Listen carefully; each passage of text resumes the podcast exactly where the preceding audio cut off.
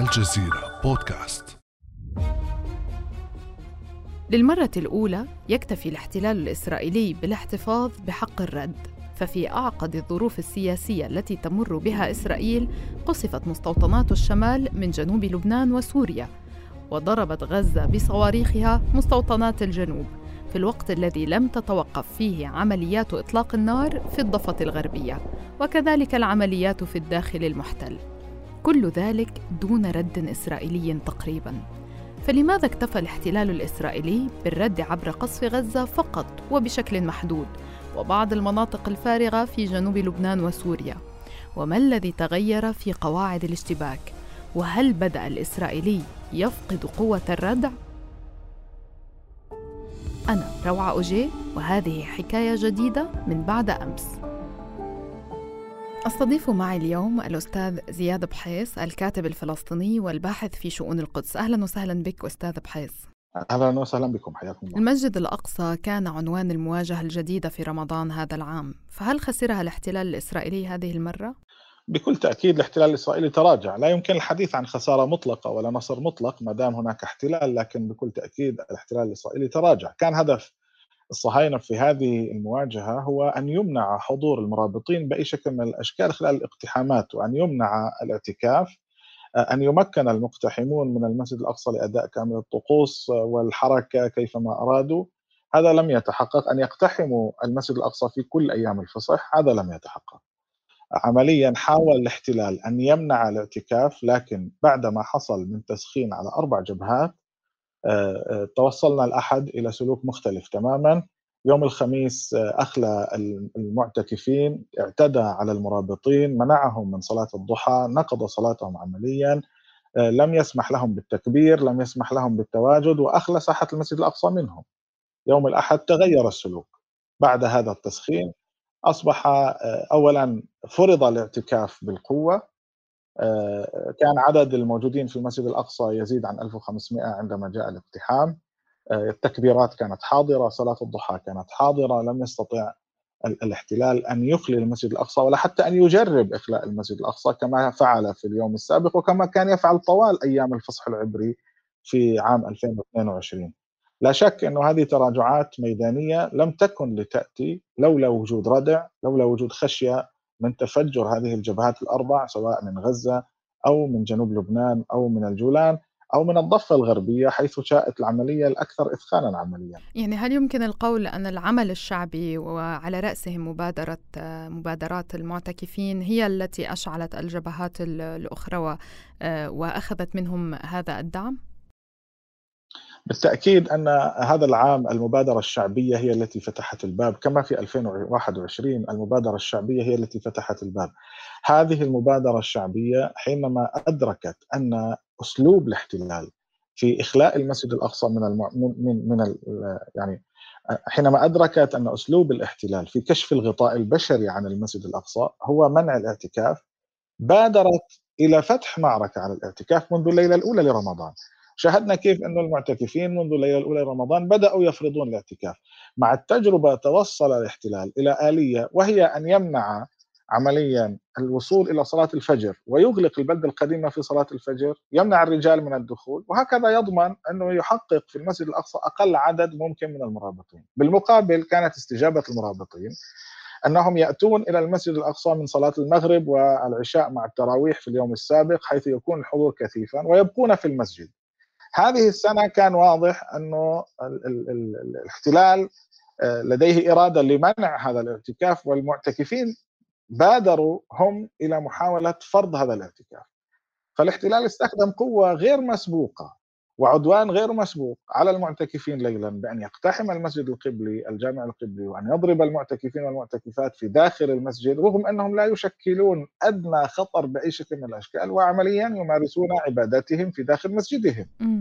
لكن كان يريد أن يستفيد من هذا الشهر ليقول أنه أن هذا المسجد الأقصى قد بات مقدسا مشتركا وأن من يديره بهذه الصفة كمقدس مشترك هو شرطة الاحتلال وبالتالي هي من تحدد من يدخل ومتى يدخل ومن يصلي ومتى يصلي.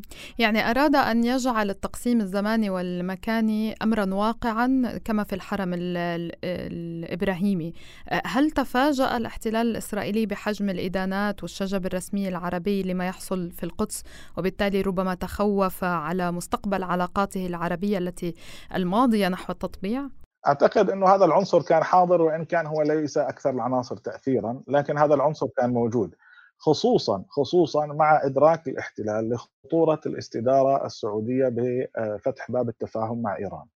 لأنه عمليا كان جزء كبير مما يسوق نتنياهو أن هذه الاتفاقات تطبيعية قائمة ومستمرة وآخذة بالتوسع. وأنها رد على العداوة مع إيران يعني هذا ما تقصده. وأنها بناء لمحور عمليا في مواجهة إيران. فجاءت هذه الاستدارة لتقوض كل هذه الدعاية عمليا ولتفتح بوابه آه، حول إمكانية المصالحات الداخلية في الصف العربي والإسلامي. وبالتالي هذا أشعر الاحتلال أنه ربما لا يتوسع آه، لا تتوسع دائرة التطبيع وحتى المطبعين الموجودين أصبحوا في موقف محرج جدا. يعني اضطرت جميع الدول عمليا التي توقع اتفاقات مع الاحتلال إلى إدانة ما حصل، لا يمكن الدفاع عن العدوان على المسجد الأقصى، إذا الولايات المتحدة لم تستطع الدفاع عن ذلك وهي الراعي الاستعماري الأكبر للكيان الصهيوني. فكيف يستطيع تستطيع الأطراف العربية الدفاع عنه؟ يعني ربما أكثر ما استطاعت الذهاب إليه من مواقف كان الموقف الإماراتي الذي تحدثت فيه الخارجية الإماراتية بمقابل إدانة الاحتلال عن إدانة التحصن في المسجد الأقصى وكأن الاعتكاف تحول إلى تحصن عسكري مع أنه اعتكاف لمجموعة مدنيين، هذا أقصى ما استطاعوا الوصول إليه بحيث أنه يكون هناك شكل وكأنه شكل من التوازن في الإدانة، لكن لم يستطع أحد أن يغطي مثل هذا الفعل من العدوان على المصلين الآمنين في مسجده. طيب كيف عادت الحيوية الجديدة للقضية الفلسطينية؟ يعني في الأعوام الأخيرة على المستوى السياسي وليس الشعبي آه، كان هناك تراجع فعليا للقضية الفلسطينية، هناك كان آه، الانسحاب الأمريكي آه، ثم الموقف الداعم للقدس كعاصمة لإسرائيل وكذلك مسار التطبيع مع الدول العربية، لكن لكن يوم عادت القضية الفلسطينية للواجهة بقوة لدى صناع القرار كما أظهرتها المواقف الرسمية سواء من المملكة العربية السعودية أو من مصر والأردن كذلك. فكيف عادت هذه الحيوية للقضية الفلسطينية؟ عادت من بوابة المعركة المفروضة. في النهاية هناك معركة فرضت على الأرض مرتين الآن في عام 2021 و2023 أخذت الطابع المتوسع الذي يشمل جميع الساحات الذي يهدد بتغيير كبير في موازين القوى والذي ينزع أي مشروعية عن عملية التطبيع وحتى عن التطلع إلى سلام مزعوم مع آه، هذا الكيان الإلغائي الذي شاهدناه يلغي جميع أتباع الديانات سواء كانوا مسلمين ومسيحيين في القدس. وبالتالي ال ال هذا ما أعاد إلى القضية الفلسطينية ألقاها هو أن هناك مبادرة شعبية ومقاومة شعبية فرضت وقائع جديدة فاضطر النظام الرسمي العربي للتعامل معها. وإلا فكان التوجه هو للتعامل مع القضية الفلسطينية باعتبارها شأن هامشي يختص بالفلسطينيين فقط وإذا لم يتوصلوا إلى اتفاق فهذا شأنهم لكن نحن نريد أن نعيد ترتيب الإقليم بالتوافق آه، مع مع الكيان الصهيوني. هذا لم يتحقق هذا لم يتمكنوا من الوصول إليه. لأن هناك من يشعل الفتيل بشكل متكرر وأن بوابة إشعال الفتيل هي المقدس. كيف يمكن التعامل مع محتل يريد أن يلغي أقدس مقدساتنا وأن تبدأ بالحديث عن أنه يمكن الوصول إلى تسوية إقليمية معه؟ هذا لا يتناسب حتى مع قدرتك على إقناع جمهورك المحلي بذلك. وهذا يؤكد أنه هذا المحتل لا يشكل خطر على الفلسطينيين فقط بل هو يشكل خطر على هذه الأمة بأسرها لأنه لا ينظر إليها إلا بعين الإلغاء. ولا يمكن في يوم من الأيام أن يتفاهم مع أي مكون من مكونات هذه الأمة، أنا أعتقد انه فتح المعركة شعبيا ودخول المقاومة على الخط فرض وقائع جديدة هو ما اضطر النظام الرسمي العربي والقوى الدولية إلى أن تعود للاهتمام بما يحصل على الأرض. طب للمرة الأولى منذ حرب حزيران 2006 بين حزب الله وإسرائيل تنطلق هذه الكمية من الصواريخ من جنوب لبنان باتجاه مستوطنات الشمال. لكن الاحتلال الإسرائيلي لم يوسع رده على هذه الصواريخ واتجه إلى غزة للرد أيضا على استحياء لكن كيف يمكن فهم هذا التكتيك الإسرائيلي؟ هل هو تراجع في قوة الردع أم هل هو نابع عن الأزمة السياسية الداخلية؟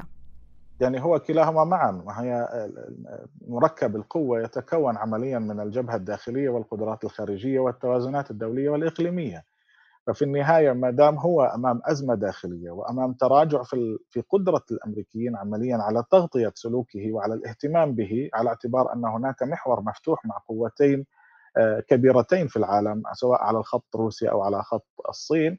وبالتالي في أفضل الأحوال فإن الولايات المتحدة تستطيع وضع الكيان الصهيوني في المرتبة الثالثة. إن لم تكن الرابعة إذا ما نظرنا إلى ما يحصل إلى في في أمريكا الجنوبية وبالذات في البرازيل. وبالتالي الاحتلال اليوم ليس في موقع مطلق اليد لا بقدراته لا بوحدة صفه الداخلي ولا بقدراته العسكرية الذاتية أيضا ولا حتى بالغطاء الأمريكي الذي يحصل عليه ولا بقدرة دول الإقليم على تغطية سلوكه، يعني كل ما حصل من تطبيع لم يمنعه من أن يدان سلوكه ولم يمنع المظاهرات من أن تخرج ولم يمنع المقاومة من أن تطلق صواريخها ولم يمنع العمليات من أن تنفذ ضده. وبالتالي القيمة الحقيقية لكل هذا التطبيع اليوم وضعت على المحك بأنها لا تستطيع أن تشكل إنقاذا بأي حال من الأحوال لننتقل إلى المقاومة في الداخل. عمليات المقاومة لم تتوقف على كافة الجبهات. ما هي المؤشرات الجديدة التي يحاول الفلسطينيون في الميدان تثبيتها لصالح المقاومة؟ أبرز مؤشر لصالح المقاومة في هذا العام هو دخول الضفة الغربية وعودتها إلى الفعل باعتبارها أحد العناوين الأساسية للردع وأحد عناوين العناوين الأساسية للاستجابة لما يحصل في مدينة القدس. الضفة الغربية هي العمق الطبيعي للقدس، لكن كان هناك وضع استثنائي يمنع المقاومة الفلسطينية من التحرك بحرية في الضفة الغربية، اليوم هناك مغالبة للتنسيق الأمني وسياسات الهندسة الاجتماعية. من خلال بؤر تتمكن من الإفلات من هذا التنسيق الأمني سواء كانت في مخيم جنين أو في آه، البلدة القديمة لنابلس أو في مخيم عقبة جبر في أريحة.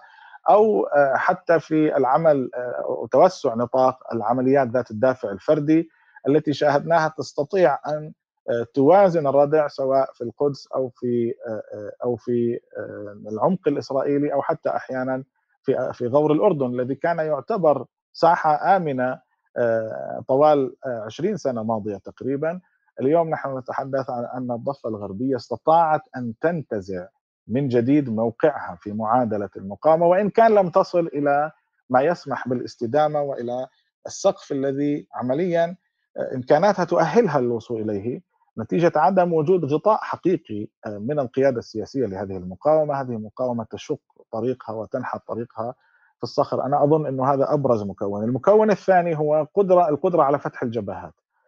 القيمة الاستثنائية للمسجد الأقصى هي التي سمحت بتجلية قرار فتح جبهة جنوب لبنان من جديد. وهي التي سمحت لجبهة مثل الجولان يجري الحديث عن أنها تزرع بالصواريخ منذ عشر سنوات لكنها لم تنفجر لمرة واحدة أن تأتي إلى الفعل في هذا التوقيت تحديدا. لأنه هذا عنوان جامع هذا عنوان آه، آه، يعني يسمح أو يشكل نافذة نافذة فرص عمليا للمقاومة على جميع الجبهات. وحقيقة إذا أردنا أن نبني على ما تحقق في هذه المعركة لابد من النظر إلى معركة المسجد الأقصى التي يفتحها الفعل الشعبي باعتبارها نافذة فرص متكررة للمقاومة تسمح بتكريس معادلة الردع التي بناها قطاع غزة في 2021 وتسمح في الوقت عينه بإضافة إضافات جديدة لهذه المعادلة مثل ما حصل آه، في في هذه المواجهة من جنوب لبنان ومن الجولان. قد لا يكون في كل الظروف من الممكن استدامة هذه المعادلة لكن على الأقل حضورها آه، بشكل متكرر وفي الظروف المواتية آه، مع الزمن بإمكانه أن يغير حقيقة في قواعد الاجتماع. آه لنعود إلى الضفة، الاحتلال الإسرائيلي اختار سياسة العمليات الجراحية وأطلق على عملياته الجديدة آه، هناك اسم طنجرة الضغط. كبديل عن مواجهة مفتوحة هل برأيك ستكون عمليات الاغتيال الموجهة في فلسطين وخارجها آلية الرد الإسرائيلية الجديدة؟ يعني الحقيقة أنه في أزمة في الرد الإسرائيلي آه، كانت العملية الأولى اسمها كاسر الأمواج وبالتالي كانت عملية مفتوحة تريد أن تغير في شكل قدرة هذه المقاومة على التوسع وعلى الاستمرار. الاحتلال الإسرائيلي تراجع عن هذه التسمية مطلع الشهر الحالي وتبنى تسمية جديدة. ليس من طبع الاحتلال المهيمن والمسيطر أن يأتي بعمليات جراحية أو أن يقوم بعمليات التسلل في الجغرافيا التي يحتلها. يعني هذا قد يقبل مثلا في عملية في بيروت مثل عملية فردان آه، باعتباره قد ذهب إلى جغرافيا معادية، لكن في الجغرافيا التي يحتلها ليس سلوك الاحتلال المسيطر هو أن يدخل بعمليات تسلل، السلوك هو ما حصل في جنين 2002 هو أن يأتي برتل من الدبابات أمامها ميكروفون يخاطب المقاومين سلموا أنفسكم وإلا ومن ثم يجتاح كل المكان ويستخدم القوة بكيفما كيفما شاء على اعتبار أنه لا يوجد في المقابل ميزان قوى يردعه. اليوم مجرد لجوءه إلى التسلل والتنكر في ساحة مثل مخيم جنين أو وسط البلدة القديمة لنابلس وهذا يعني أن هناك ردعا اولا بالنسبة له، ثانيا أنه بات في ذهنه يتعامل مع هذه البيئة باعتبارها بيئة معادية وليست بيئة محتله خاضعة لاحتلاله، مهما حاول أن يستعرض القوة مجرد اللجوء لمثل هذه العمليات في جغرافيا واقعة تحت الاحتلال المباشر عمليا هو يعني أنه قد بات ينظر لهذه الجغرافيا بعين الخوف وبعين القلق وبعين عدم التمكن وعدم القدرة على إنقاذ جنوده في اللحظة المناسبة وبالتالي يضطر إلى التخفي يحملون سجادات صلاة يتنكرون في شكل مشايخ أو في شكل سيدات يلبسن حجابا. هذا الدخول بحد ذاته آه، يجب أن نتوقف عنده، لا شك انه الاحتلال يتبنى هذه العمليات كوسيلة لضرب المبادرين ولضرب القوى الفاعلة، وعلى اعتبار أن ما يسميه بجز العشب أو التخلص ممن يبادرون إلى العمل المسلح مع الزمن يمكن أن يؤدي إلى نضوب هذا العمل المسلح. وربما ينجح هذا الرهان مؤقتا لكن هذا الرهان سيعود للتجدد.